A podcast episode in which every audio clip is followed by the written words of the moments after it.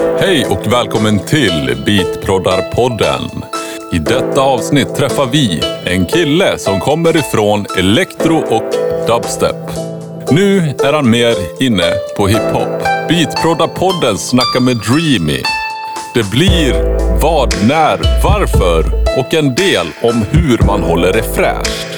Vi säger tack till Ylle, Dalapop och vi finns på Patreon. Detta är Beatproddarpodden med Dreamy. Välkomna!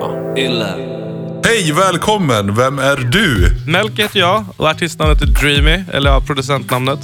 Med en fyra istället för ett A och I istället för Y. Lite så här fult. Men eh, ja, jag vet inte. Jag tyckte det var nice när jag gick gymnasiet och sen så har det bara varit kvar. Lite så. Jag tyckte det var lite coolt då. Men eh, jag har hållit kvar det. Det ser snyggt ut i Caps Lock. Det ser skitfullt ut i så här lowercase. Men eh, ja. Skulle du vilja starta om med ett nytt namn? Nej, jag har funderat på det för att jag varit lite såhär, det här kanske känns lite töntigt eller något så. Men jag, jag har börjat, liksom, det har växt på mig så mycket nu så att jag, jag känner att jag vill ha kvar det. Jag kommer nog inte släppa det. Det är bara att jag kör det i Caps Lock så blir jag nöjd. Det är lite så. Det är lite krångligt för folk att söka på mig om jag bara säger att jag heter Dreamy. Om jag inte säger så här, ja men den fyra måste det vara, du måste ha IE på slutet, vilket kan bli lite krångligt om man står typ på en jävla klubb eller någonting och ska prata om grejer. Ja, alltså det är inte jättelätt att hitta dig. Nej. På något sätt så är det lite så jag vill ha det också när jag tänker efter. Jag vet inte. Jag gillar bara att göra låtar och sitta lite i mörkret och typ köra live-grejer och så. Men jag är inte så himla intresserad av total jävla så här uppmärksamhet om grejer. Nej. Så jag pushar liksom inte det riktigt supermycket. Det har jag andra personer som gör, eh, som jag jobbar med. Du har jobbat en del med Bonbon. Berätta lite om det här projektet. Bonbon och jag träffades på en klubb. Vad fan, vilken var det? Jag kommer inte ihåg. Eh, Det är mitt i Stockholm. Jag hade en releasefest då med en annan tjej som heter Ellen KNT som jag började göra musik med. Eh, det var faktiskt så jag började göra hiphop i allmänhet och prodda beats till det. Jag gjorde annat innan. Typ så här elektro och grejer. Eh, men då var vi, hade vi vår release, jag och Ellen KNT. Och så kom Bonbon fram till mig och sa hej typ och så hälsade vi lite. Senare så hittade jag hennes låt Woods som hon hade släppt på Soundcloud via någon annan kille som hade proddat. Och då skrev jag till henne att jag kan göra det här bitet mycket bättre. För att jag var lite så här, jag tyckte att hooken var bra och jag var lite så här, men vad fan, jag fick värsta idéerna i huvudet och var så här, det här kan du inte slänga bort så här. Så att jag bara, ja men eh, vad fan, jag, jag tar det här och så, så får jag se vart det liksom hamnar någonstans. Ehm, och hon skickade över vocals och sen så började vi jobba. Och nu släppte vi en låt som heter Woods, eller heter Woods. Riktigt fet. Ja, tack så mycket. Ja, men vi släppte den nu 2020, men jag tror vi började liksom med den 2016, 15 Jag kommer inte exakt ihåg när det var. Eh, och Det var då vi började liksom göra draftsen till den. Sen hade det bara tagit lång tid. För att vi har släppt andra grejer och sen har vi bara lagt dem på hold hela tiden. Och eh, Ett år var vi uppe i Dalarna och filmade den här musikvideon som vi har släppt nu. Eh, men det var också några år sedan, så det är jättegammalt Jaha eh, material. Ja, man tror att man liksom var ute nyss och gjorde det, men vi har hållit på med den här i så här fem, fyra år. inte för att den har varit svår att göra, utan mer bara för att det liksom blivit så. Någon jävla, jag vet inte, det blev utdraget. Liksom. Så vi började där och sen efter det så träffade Bonbon Ira och eh, de började rappa ihop och göra låtar och sånt där. Så då hakade jag på det och började prodda dem. Och sen så bestämde vi oss för att släppa VIA, alltså Where You At, som blev vår första singel ihop. Och den gick ganska bra för. Alltså, jag tror vi fick ändå 100 000 tror jag vi har någonting plays på den, vilket är bra för en sån här första dägga tänkte jag. Det är helt fantastiskt alltså. Alltså vi blev ändå rätt nöjda liksom. Sen har vi bara hållit ihop och gjort lite låtar och sånt där. Varit ute och spelat lite ihop och ja, liksom det är som att vi haft ett litet så här, jag vet inte, inte trap-punk kanske, men lite åt det hållet känns det som ibland. Som ett litet band som bara gör det man vill och inte liksom följer strömmen så himla himla mycket. De bara gör det man känner för mer eller mindre. Det är helt rätt alltså. Jag gillar det. För det är jävligt fräscht det du gör. Ja, tack så mycket. Alltså nytt på något sätt och fräscht och... Ja, alltså jag brukar faktiskt tänka tvärtom. Att det känns lite som att folk kanske inte är redo för det. För jag, jag gillar liksom jävligt hårda kickar och jag gillar när det liksom är så här, kallas det hi-fi? Jag kommer inte ihåg. Eller ja, att man har väldigt mycket high i mixen eh, på typ det mesta. Så att det nästan är, är liksom, ja, jag vet inte. Vanliga personer kanske inte gillar det. De vill ha det lite mer balanserat och platt. Typ. Jag gillar att ha mycket high för det låter så jävla mycket fräschare då i allmänhet. Allting låter så mycket bättre och mycket bas. Så det är mycket low och mycket high. Midden är sådär. Det är typ mest snares och claps som får plats där. Men ja, eller så high mid-grejerna. Så att jag tror att det är lite det. Och sen så älskar jag kickar som är jättehöga. Alltså, Det hör man liksom. Ja, men om man lyssnar på låtarna och- så tänker man på det och jämför med de andra. Då är det så väldigt nästan klickiga kickar som jag har. För att jag är så himla kär i så här dansmusik från elektro och typ, ja jag vet inte, jag lyssnar fortfarande på så här hardcore. Elektronisk hardcore då, typ Anger Fist och jättemycket grejer som influerar och sånt. Så jag gillar distortion och jag gillar klickiga kickar väldigt mycket. Så ibland är jag lite rädd att folk ska dra på den där och bara, vad fan håller han på med? Men folk har hittills börjat gilla det, eh, verkar det som. Det blir, jag tycker det blir mer så här tryck och power. Så jag, jag vet inte, jag, jag på det. men är kicken skitviktig? Är det det viktigaste nästan? Jag skulle säga det för mig. Alltså vanliga kicken, inte 808 just. Den är ju också jätteviktig obviously, men eh, jag skulle kä- nästan känna det, för jag får lite panik när det inte känns som att det är någon punch. När det låter för dovt, då, då går det liksom inte för mig. Då, ja.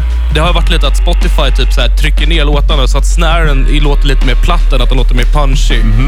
Um, för att vi har inte kört master ibland, utan vi har bara tryckt ut det liksom. Utan att ja, så här, orka bry sig så mycket. Uh, då bör det låta ganska bra ändå, men då hör man så här, när det är mycket vocals och sånt samtidigt att det blir lite den här att den drar ner snärens typ mid-high eller något i den stilen så att det blir lite platt istället låter dovt.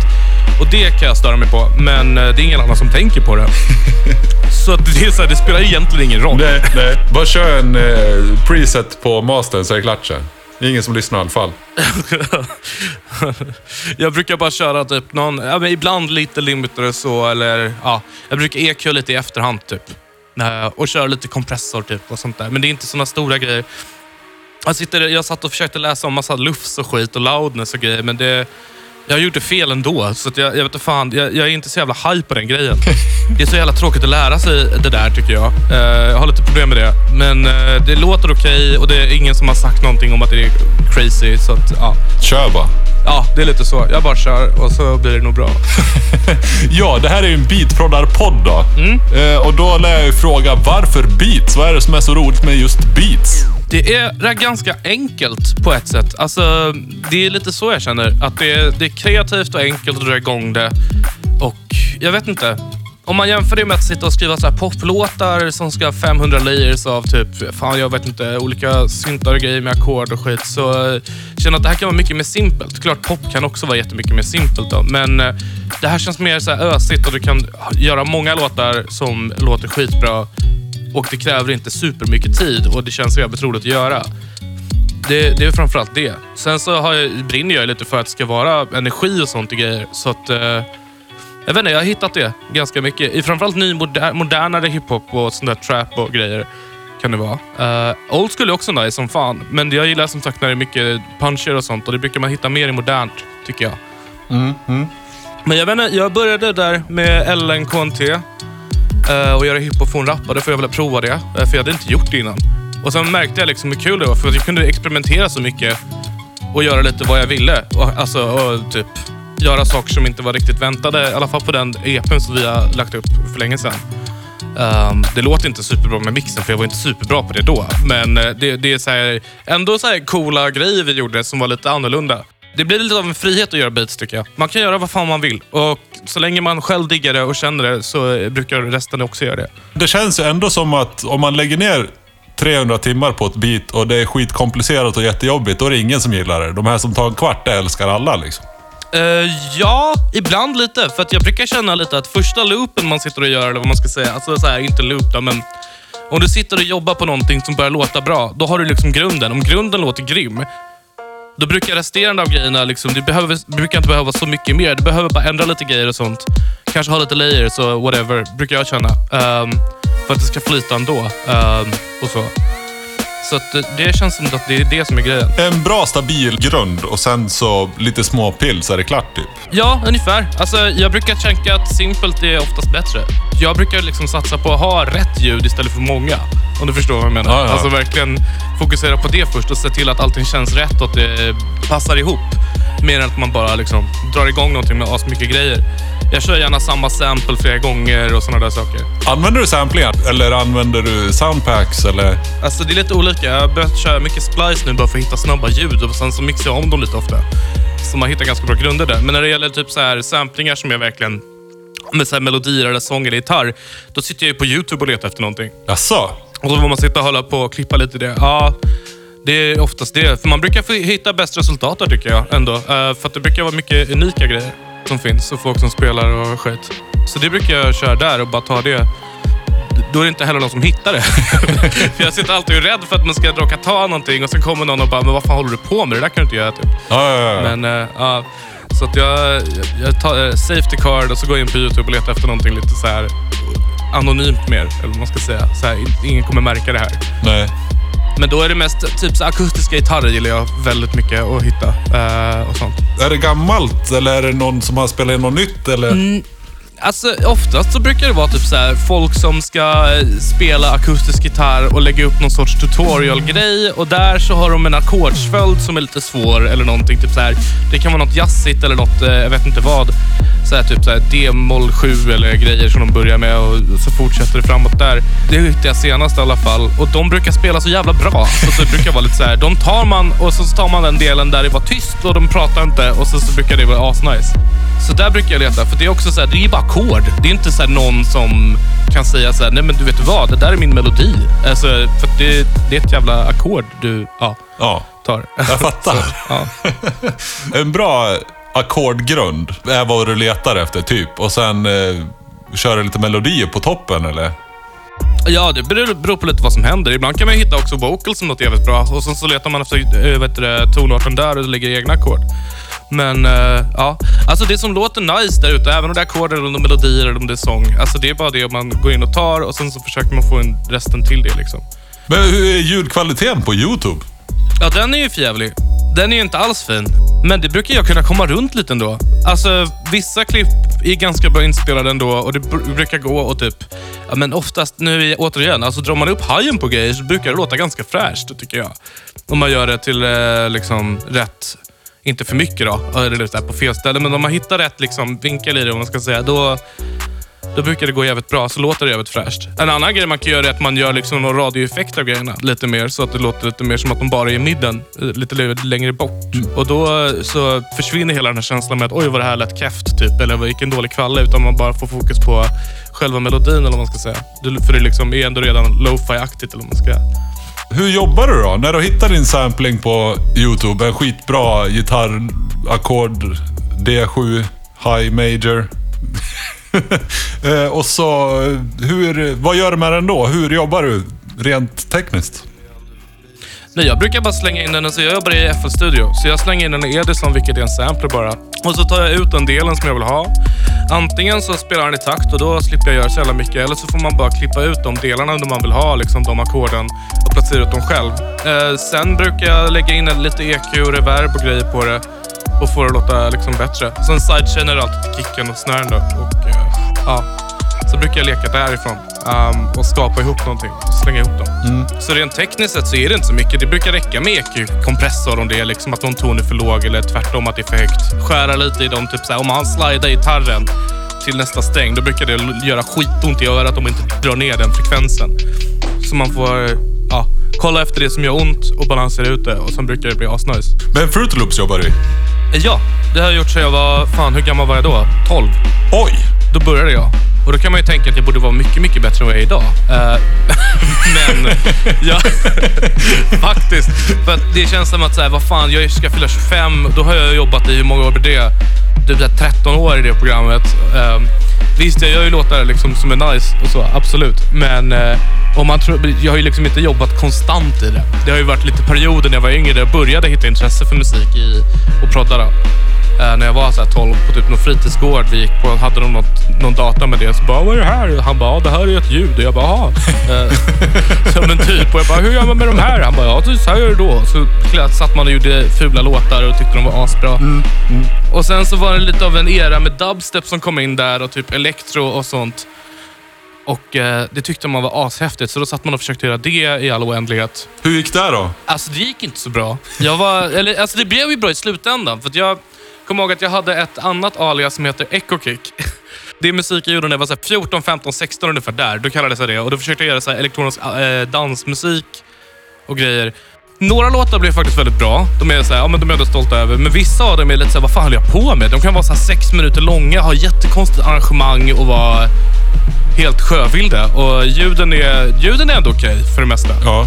Det är väl det jag typ, så här, lärde mig mycket då, hur syntar fungerade.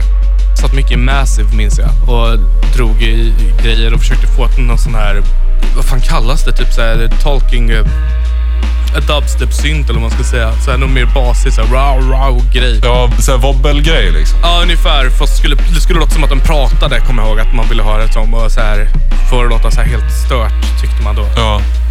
Men det var ju dubstep-eran. Fan vad den höll i länge ändå. Alltså det... Ja, jag, jag var ju helt uppslukad av dubstep ett tag alltså. Ja, alltså men jag, nu, nu när man hör liksom eh, extremt hårda och långa snärsen, då blir man ju galen. det är det enda som jag påminner mig någon, när någon har den i halvtakt. Liksom, då blir man helt tokig. För att det känns som att man är tillbaka i en jävla så gammal Skrillex Cinema-era. Eh, Ja. och, ja. Men eh, du känner inte att du kan hitta någon eh, charm i det där då? Med att du kan eh, få in det i dina nya produktioner på något sätt? Ja, absolut. Alltså det har jag väl på ett sätt gjort. Att jag liksom hittar väl alltid tillbaka lite till mina elektro elektrogrejer, så här rötter om man ska säga. Eh, det brukar folk säga faktiskt när de lyssnar på vissa grejer de gör. Att så här, ja, men du brukar ha lite mer så här elektrokänsla på dina beats och whatever. Och det har jag väl visserligen ibland. Um, typ VA tycker jag kan vara lite sån. Det är lite ljud i den i bakgrunden som är väldigt sådär från när jag var yngre och alltid gjort så här grejer. Typ. Man sparar nog det som man tycker är bäst av det man har gjort tidigare och sen så går man vidare och utvecklas. Liksom. Ja, det tror jag absolut. Men du började, du började i Fruit Loops och är kvar där fortfarande. Ja, jag vägrade dra därifrån. Eh, alla var så här, jag började gymnasiet i Rytmus och gick musikprod där. Alla bara Logic och jag bara fuck you. Eh, och, och satt hemma och var totalvägrade. Var, de bara sa, men du måste lära dig Logic. Jag bara, jag kan göra det lite grann. Och Logic är jättebra. Det var bara med att jag kände mig så bekväm med det jag redan hade så jag ville inte gå. Och sen så vet jag att det finns lite så här, folk ser jävligt mycket ner på Fruity Loops eftersom att det startade som ett jävligt dåligt program som sen utvecklades. Liksom. Det var inte alls kapabelt till samma grej som det är idag.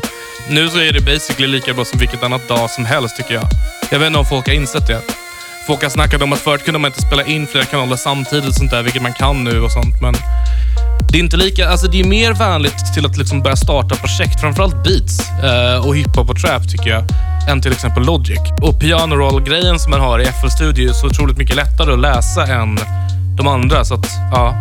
Ja, kan, det kanske är lite beat-orienterat hela Fruit Loops-projektet liksom. ja, alltså jag tror det. Från början var det ju liksom att man folk satt och gjorde loopar med sånt här och sen så blev det bara vidare och vidare med det.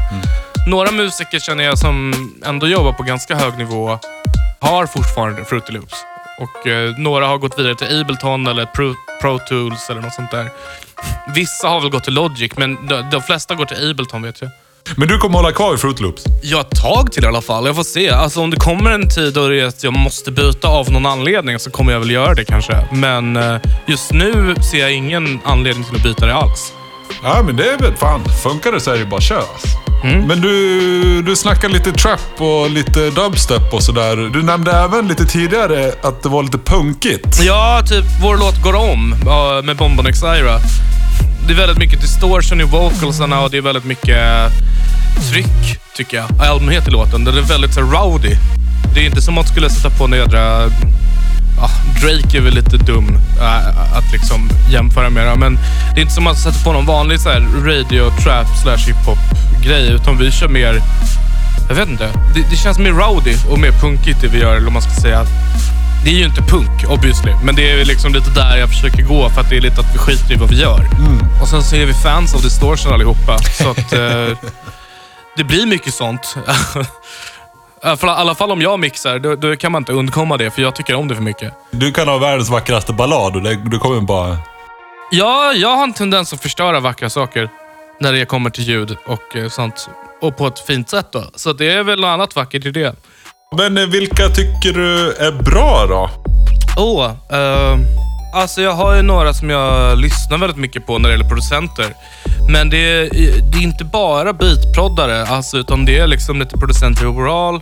Young Earthsauce tycker jag är väldigt duktig just nu. Um, han som producerar ODZ och lite Fri Larsson-grejer och annat vet jag. Um, hans ljudbilder är fruktansvärt bra och han, han, han har otroligt bra mixningstekniker tycker jag. Han får ljud och liksom komma fram. Även fast det är så små låga klick så hör man dem och de gör effekt. Och han har väldigt bra liksom, sätt att tänka på så att det inte ska bli liksom för, eh, ska- inte minimalistiskt, men att det ska liksom repeteras för mycket och sånt där. Så jag, jag, och jag gillar hans ljud väldigt mycket.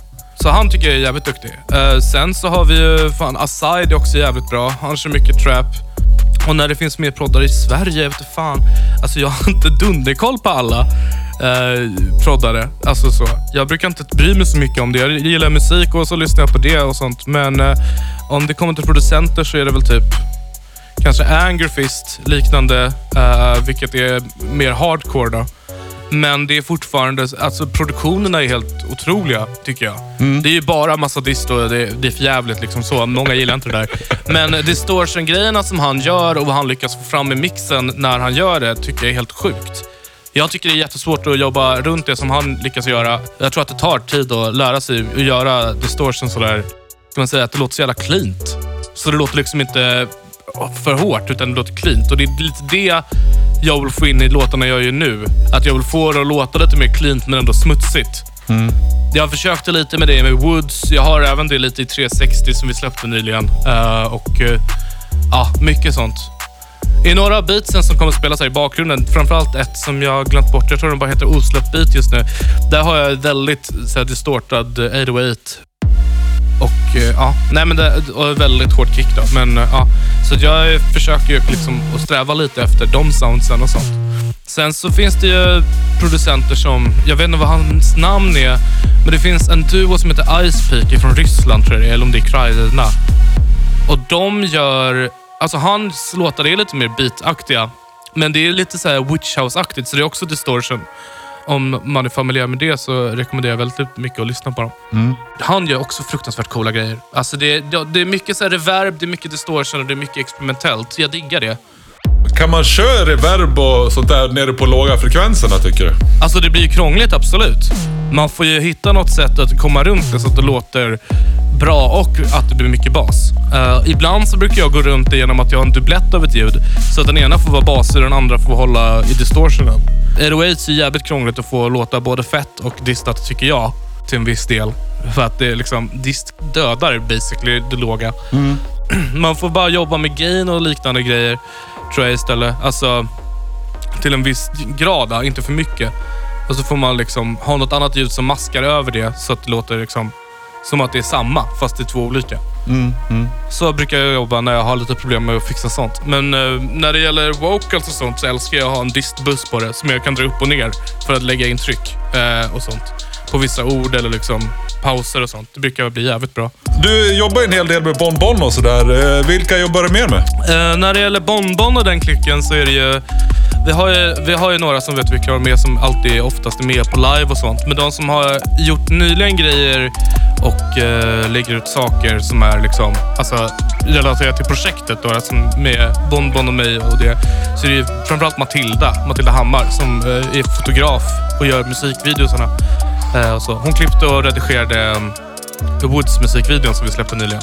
Mm. Och hon, hon brukar fota och liksom vara med på allting och, och är asgrym på det där. Så att uh, big ups till henne. Ja. Men det är lite vi tre som jobbar framförallt just nu. Sen så är det jättemycket andra människor som är inblandade till olika grejer. Jag har inte ens koll på allihopa, men eh, det har nog mer Bon Bon. för jag sitter hemma och liksom pratar. Eh, Ja. hon, styr, hon styr ganska mycket, liksom har koll på grejerna, vilket är asbra. För hon är så jävla bra på, på just den grejen, tycker jag. Och organisera grejer. Hon är fruktansvärt duktig på det. Så att, eh, ja, och det är jag jättedålig på. Så att det är jättebra att hon är det. Är det svårt att organisera dina, ditt beatmakande? Eller har du, gör du färdigt ett projekt och går vidare till nästa? Eller har du sju... Absolut inte. ja, ja, alltså det här är ett stort jävla clusterfuck. Det är liksom bara... Jag har typ så här fem miljoner projekt typ. Nej men alltså det, det är oändligt. Man kan scrolla i all oändlighet och hitta lite grejer här och var. Men vissa grejer är ju bättre än andra. De sparar i vissa mappar och sånt där bara för att liksom hålla kvar dem. Men jag brukar liksom göra typ kanske en, en och en halv minut på någonting. Kanske inte helt perfekt, men man ändå förstår grejen. Och sen så om någon gillar det så brukar jag göra klart dem. Men jag har liksom inte kommit till det att jag börjat göra instrumentaler som jag släpper. Inte ännu i alla fall. Jag tror jag kommer göra det framöver och då kommer jag ju sitta och göra lite låtar och göra klart dem bara. För det. Men äh, just nu så är det med att jag hittar, letar efter olika vibbar och grejer som jag vill ja, få fram i låtarna jag gör. Och sen så visar jag det för någon som ska lägga vocals eh, eller liknande. Och eh, ja, om de känner att det funkar eller skriver någonting, eller om jag får en hook av dem, då brukar jag bygga runt det. liksom. Sen för att det ska gå vidare och liksom inte bli att jag sitter och gör massa galna grejer och det blir för mycket som händer. Utan att jag ändå har någonting runt att jobba med. Så här, om de väljer att ha en paus någonstans, till exempel i sin vocal, så jobbar jag efter den så att det inte blir att de... Ja.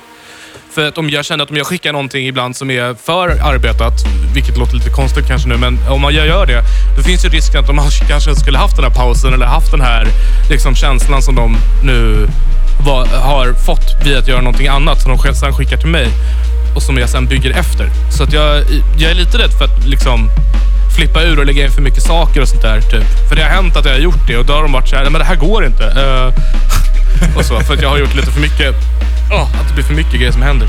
Ja. Så jag, jag har lärt mig av att jag har gjort fel, eller vad man ska kalla det. Det är väl enda sättet att lära sig på, är det inte det? Jo, trial by error, det är det liksom. Man ska ju bara fortsätta. Ju sämre man lyckas, desto bättre går det sen. Så att, eh, ja. Stora förluster ger ju ofta stora vinster senare om man bara fortsätter. Ja, det var klokt sagt av en 25-åring. ja, verkligen. Jag är...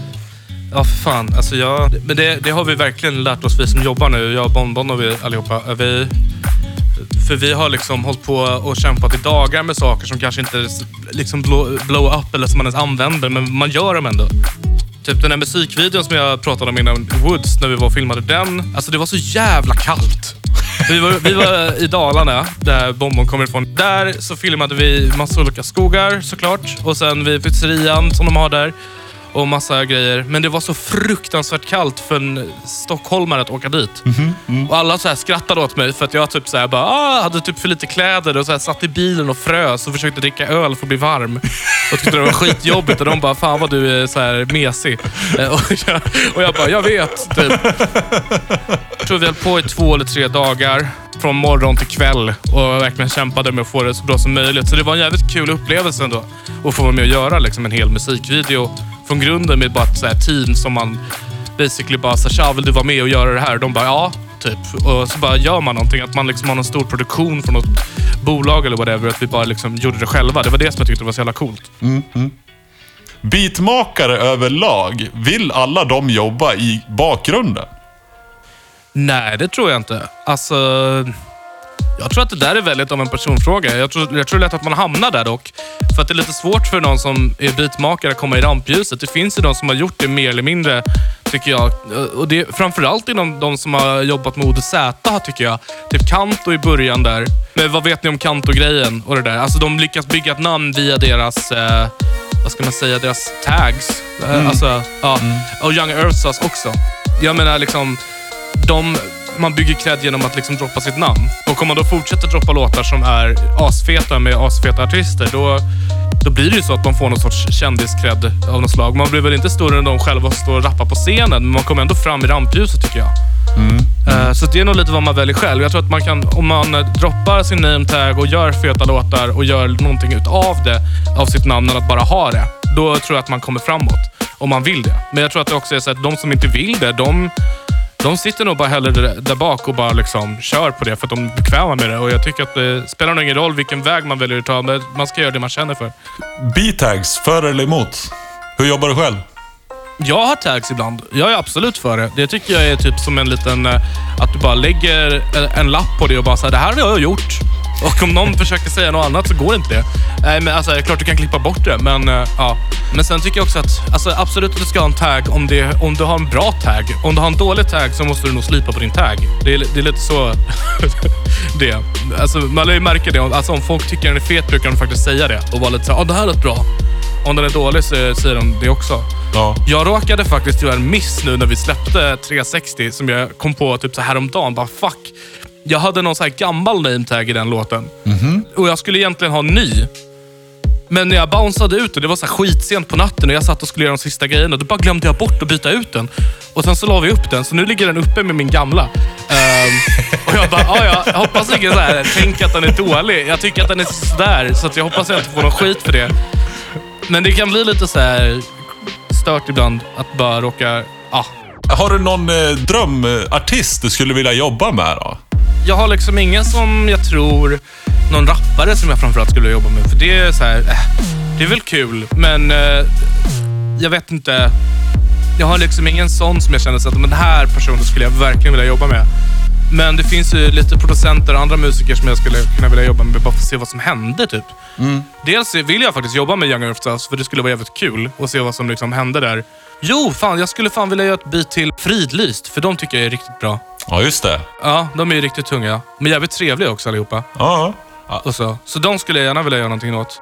Sen skulle det fan vara kul att sitta med Angry Fist och vara lite så här, gå till mina barndomsrötter och sitta och göra hardcore som inte alls har med beats att göra rakt av. Men det, det hade varit asfett faktiskt. Ett riktigt såhär gabber... Ja, precis. Jag vet inte varför jag dras till det så jävla mycket, men jag är liksom helt så här, jag älskar det. Sen skulle det vara fruktansvärt ballt dock när jag tänker efter. Nu, nu slog mig frågan nu, jag var inte förberedd på det, men så det kom upp lite här. Men Tommy Cash hade varit fruktansvärt kul att jobba med. Tommy Cash, vem är det? Han är en estländsk rappare eh, som gör väldigt mycket konst framförallt. Dels i sin musik, men också i allmänhet som är... Den är inte riktigt provocerande. Den är bara väldigt, inte disturbing, men nästintill. Det är mycket så här... Ja, men lite Afix Twin-känsla på honom tycker jag ibland när det gäller ja, hans videos och foton och sånt där. Han gör väldigt sjuka saker och lite som han vill. Ehm, ja, men han har typ så här lagt upp foton på där det är han och massa brudar som står där. Fast han har bytt ut alla brudars ansikten mot hans egna. alltså du fattar liksom så att det ska vara så här, man bara, fan din man fast det ja, men det är liksom, det är han, vad, vad i helvete. Uh, sånt. Han är mycket, Ja. ro, mycket, mycket roligt sånt. Alltså, han skulle jag lätt vilja jobba med. Vad tror du att eh, ni skulle få fram då? Jag tror vi skulle få fram en sjuk eh, distad, till en början mer av en vanlig så här, grej som sen skulle leda in i någon sorts trance. Um, faktiskt. För jag har sett att han är ett fan av det. Uh, alltså sån musik. Så han, alltså, lite så, alltså, hans musik är lite det jag själv lyssnar på. Alltså, inte just hans låtar hela tiden då, men alltså, några av dem absolut. Men hans sätt att tänka bland låtar har jag märkt, så här, och de beatsen som är med där, de är väldigt flippade och de byter typ genre lite här och var. Det, det är sånt jag gillar, att det liksom spårar ur. Att det går från att du har ett vanligt beat, eller vad man ska säga, som bara låter lite så här trap eller whatever, kan vara lite så här men att det sen hamnar i någon jävla trance-vibb och går till någon extrem så här hardcore-kick i ett tag och sen går det tillbaka. Det, sånt tycker jag är askul. Det är svårt att få ihop sådana projekt alltså. Tycker du? Ja, men att få det att stämma och få det att matcha och få det... eh, Eller är det inga problem att göra sånt? Jag tycker, alltså det är ju skitsvårt. Är det inte? Alltså det är skitsvårt att göra ljuden till dem. Framförallt så hardcore-kicks känner jag är så här ett projekt som jag inte ens vill sätta mig in i just nu. jag tycker inte att det känns svårt att göra någonting som förvånar folk om man bara lyssnar mycket på sån musik. Så tror jag att man liksom hamnar lite i tänket vart man skulle kunna sätta in det så att det skulle bli bra. Ehm, så att jag tycker inte det känns omöjligt, men det är absolut det är ju krångligare än det vanliga. Men det är det som är kul. Det blir en utmaning. Det får inte vara för lätt eller? Nej, absolut inte. Då utvecklas man ju inte. Man måste fortsätta öva känner jag. Ja, men du, eh, du sa ju att eh, du började med pop. Eller började där? Vad sa du om pop? Du var lite inne där och höll på. Jaha, eh, att eh, spela i ett eh, band eller? Ja, för det är väl, alltså, man tänker, när man hör dina produktioner, Mm. eh, Bon Bon till exempel. Ja, Det låter ju inte gitarrpop direkt om man säger så. absolut inte. Nej, det är verkligen inte det. Eh, däremot spelar ett band som gör gitarrpop, kan man väl säga lite. Ja, Alltså det är väldigt mycket slingor. Vi heter Violet Cherry. ehm, inte som i körsbär, utan fan blir det? C-H-E-R-I. Lite jobbigt. Eh, så det är inte franska heller, utan det är Cherry fast amerikanska namnet. Det är skitkrångligt, men ja. Uh, vi heter Violet Cherry i alla fall. Jag håller också på med en typ debutskiva som ska släppas senare i år. eh, och så. Men där spelar jag trummor eh, och vi är fem pers. Och vi kör väl typ mer såhär 90-talspop, alltså lite mer såhär Bad Cash Quartet, Broder Daniel, typ Strokes blandning, eh, Jesus and Mary Chain. Uh, ja, lite åt de där hållen liksom. Och där sitter jag och kör trummor och sjunger kör. Men jag, eh, ja, så det, det är typ de projekt jag håller på mest med nu. Bonbon och mitt band. Mm. Ja men pop och hiphop, har de någonting gemensamt? Du spelar trummor i ett popband, det är, det är ju beats liksom. Ja, det Men var alltså, där jag började med trummor. När jag var nio år, så på den här fritidsgården där jag faktiskt började prodda också, där hade de liksom värsta musiksalen. Och eh, då började jag spela trummor där. När jag var nio bast och typ gillade Slipknot. Jag var Joe Jordison och bara blev helt galen av att kolla på hans video. Där de, det är så sjukt, jag vet inte om du har kollat in den, men de har ju alltså en jävligt bra trummis, eller hade då, i bandet för länge sedan. Och då så, under en livekonsert så väljer de att han ska ha trumsolo. Och då kör han bara på. Och folk börjar, börjar skrika och grejer. Men så hissar de upp hans ramp typ. Och sen vänder de den så han hänger liksom som mot väggen och snurrar runt. Eh, när han spelar så han är fastspänd. Liksom i någon sorts stol. Och så sitter han och kör trumsolo. Och så snurrar han runt som ett pentagram typ. Och folk blir helt jävla galna. Och det är så att jag var så här, det här vill jag göra! Typ. Och satt och körde på och försökte lära mig trummor. Och det gick ju bra till slut. Jag är ju duktig på det nu. Så att, eh, det, det var det värt. Och det har väl också påverkat min musik även i proddandet och sånt där. Jag, jag har jävligt lätt med rytmer och, liksom, och lägga till grejer som är lite kul, tycker jag ibland. Men det är, slip, det är tack vare Slipknot som du sitter och proddar beats idag. Ja, det är nog... Vem fan kan vi säga tack till till den? Uh, gud, vad svårt. Vad fan... Um, just varför jag pratar beats vet jag inte riktigt. Det måste ju varit någon, men jag har typ inte så här... Någon så här klar bara, ah, ja men den här personen gjorde så att jag blev inspirerad. Alltså till att göra det. Jag har bara velat göra mycket musik och jag har typ så här gillat genrer väldigt mycket brett och vill bara prova det. Typ så. Äh, så det är lite svårt att svara på den frågan. Vilket egentligen borde vara aslätt för de flesta. Men för mig blir det mer så här att jag kan ju inte säga att Slipknot var det. För de fick mig att börja spela trummor. Så de fick mig absolut inte på så här, eh, trumspåret. Det kan jag ju säga. Alltså musikvärlden öppnades lite via dem kan man väl säga. Så att absolut, jag är ju cred till dem då. Men eh, när det gäller beats så vet jag inte. För jag hamnade med liksom mer elektro och grejer. Eh, och där var det väl, vad var det? Typ Skrillex och Dada Life kommer jag ihåg. Och Alltså, vad fan vad lyssnade jag mer på? Ja, men det var blandat. Det var mycket så här på YouTube och grejer. Man bara hittade artister som man inte kommer ihåg namnet på, men man gillade låtarna. Uh, och sånt där. Och sen blev det också att det utvecklades ju mer till att folk började göra lite mer trap och lite mer sånt. Och jag tror att det var där ungefär vi... Vad fan var det? Harlem Shake. Kommer du ihåg den? Jag känner igen det. Jag vet inte riktigt vad det är för något. Harlem Shake var den här jävla virala grejen som blev att folk skulle stå och dansa i ett jävla rum och eh, var flera stycken och göra så här, ah, göra Harlem Shaken, eller vad man ska säga. Och under den eran så började ju trap komma upp ungefär och bli så här en mer eh, radiovänlig, typ så här viral grej. Och jag tror att det var lite där när folk började lyssna på mer, en så här, en, som en sorts dubstep-version tänkte jag då. Att det var så här, det var inte dubstep, men det var liksom som att det var någon utveckling av det. Um, till att det blev ett mer, gick mer mot hiphop-hållet. Jag tror det var där jag började hitta lite rötter till att jag började vilja prodda mer åt det hållet. Så jag började liksom fortfarande via EDM-scenen och sen så började jag snacka med Ellen då, som jag nämnde innan, Ellen KNT. Och vi bestämde oss för att prova att göra en EP ihop. Och det blev skitkul. Så då vill jag fortsätta. Det var lite så. Så att det, det var framförallt tack vare att jag och Ellen bara ville göra musik. Det behöver inte vara mer komplicerat än att det är kul att hålla på. Liksom. Nej, alltså jag tycker absolut inte det. Det finns alltid liksom historier med folk som var, säger att de brinner för saker och att det är liksom deras enda väg, eller vad man ska säga, att det liksom har räddat dem och sånt där. Det har det absolut gjort med musiken för min del också. Att jag känt så många gånger, framförallt när jag var yngre. Men i nuläget så känner jag att det som faktiskt gjorde att jag bara ville prodda och fortsätta på vägen var att jag hade jävligt kul. Och jag kände nog att jag fick någon sorts bekräftelse av att jag lyckades att göra låtar med folk som jag själv tyckte om att lyssna på. Och det äger. jag vet inte. Det, alltså det, det är literally det. det. Jag tycker det bara är nice. Ja, det är sjukt kul, så därför håller du på. Ja. Ja. Jag har ju en teori om att om du ska lyckas i musiksvängen ska du antingen göra musik du älskar eller musik du hatar. Jag tror att man ska göra både och. För, om du, för jag tänker, om jag ska göra punk till exempel, Ja. då kommer jag göra punk 101. Förstår du? Mall 101 kommer jag göra punk i. Och det kommer alla punkare gilla. Eller liksom Okej. massan av punkarna kommer ju gilla det för att det låter som något de har hört förut. Liksom. Ja, du menar att det blir en så här... Det blir en klyscha liksom. Ja. Jo, men jag fattar. Alltså, ja, absolut. Man kan göra sån musik, men då får man också tänka på vad menar man med att lyckas. För jag tror inte att man liksom lyckas genom att bli jättestor om du inte liksom böjer på reglerna och testar dina egna saker. Om man bara härmar alla andra så tror jag att man liksom kommer vara fast där och alltid vara steget under dem som kommer på något nytt. Ja.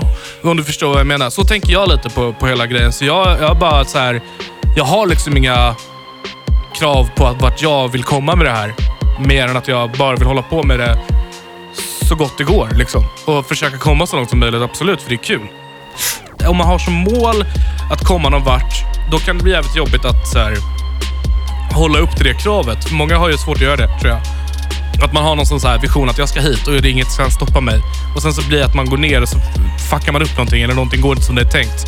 Och så får man värsta backlashen av det och sen så har det svårt att ta det tillbaka. Och så, så liksom ger man upp.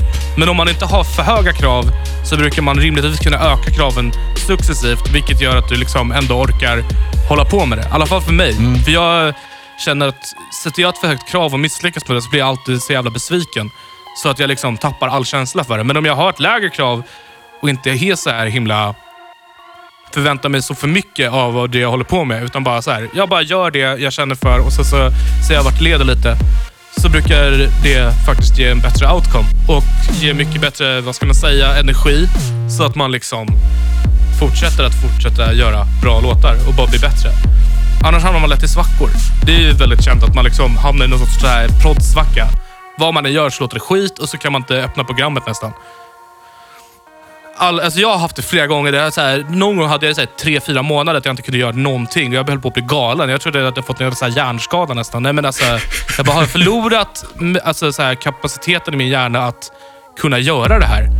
Har någonting hänt? Så lite. Ja, ja. Sen bara, nej. Det var bara att jag var väldigt osugen på det här just nu och jag måste hitta någon inspiration. Jag måste ut och göra någonting annat än att bara sitta och göra samma sak. Jag måste leva typ så här. Och göra andra grejer. Och sen så gjorde jag det och så kom jag tillbaka och så gjorde jag någonting helt nytt som jag aldrig hade tänkt på innan. Så det, ja. Vad gjorde du då som var helt annorlunda, som gav dig inspiration till att göra musik? Jag tror jag släppte det lite. Jag tog det inte på så här... För jag kunde lätt lägga in lite in så här att jag måste göra det här varje dag hela tiden. Vilket är skitbra, för det ska man göra. Att man ska ha ett Sankia där man gör det som sitt personliga egna jobb. Även om man kanske inte har ett eget företag eller något i den stilen. Och liksom säljer låtar hela tiden eller vad man gör.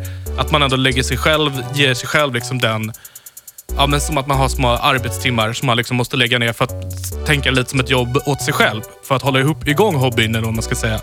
Det man gör sitt skriveri. Uh, eh, så det är skitbra. Men om det blir för trögt så måste man ju komma på andra saker. Då är det väl alltså... Jag minns inte riktigt exakt vad jag gjorde. Jag tror jag bara hängde med polare och gjorde annat än att liksom sitta hemma och prodda. Och när jag gjorde det så kändes det mycket lättare att gå tillbaka och göra det sen. Efter ett tag. För annars satt jag bara och var arg över att jag inte liksom kunde komma över den här tröskeln typ.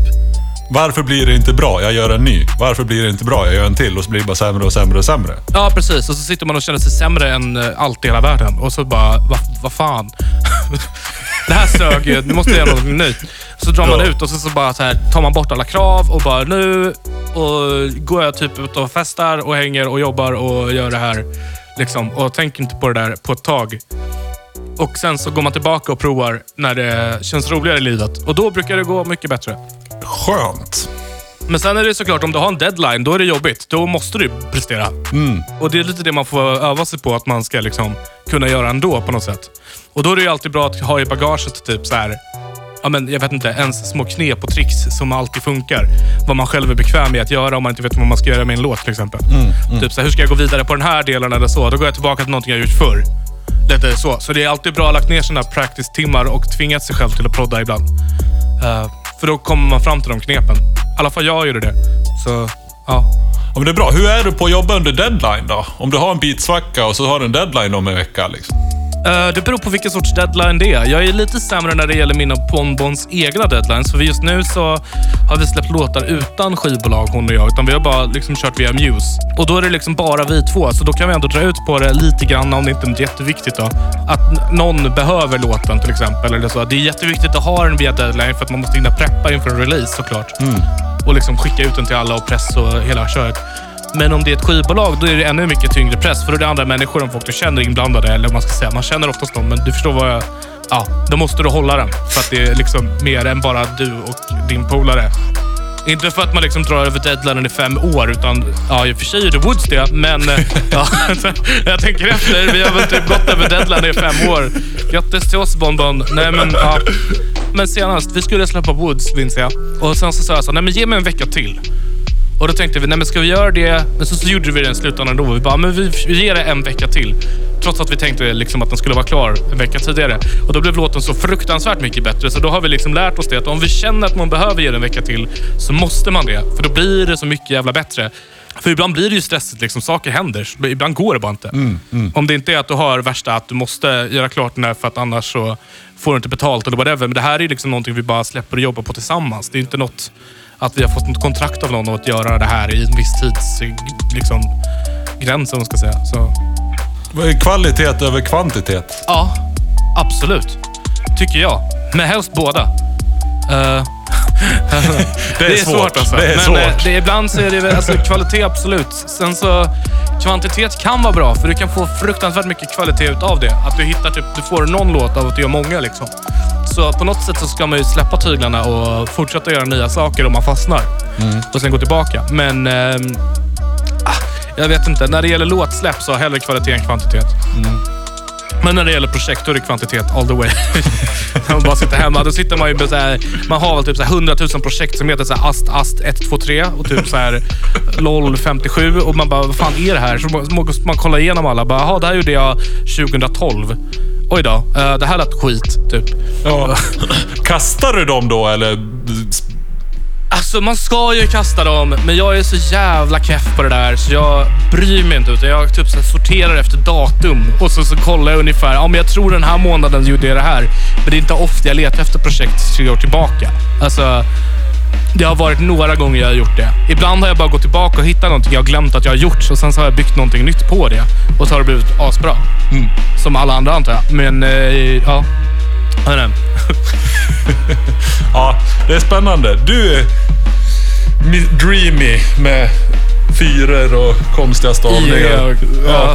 Du, om man vill få tag på dig och eh, vill eh, prata med dig, ja. Lyssna på din musik och så vidare, vad gör man då? Då går man absolut in, om man ska lyssna på mig, då går man in på Spotify och så söker man på Dreamy. Med en fyra istället för ett A och IE på slutet istället för ett Y.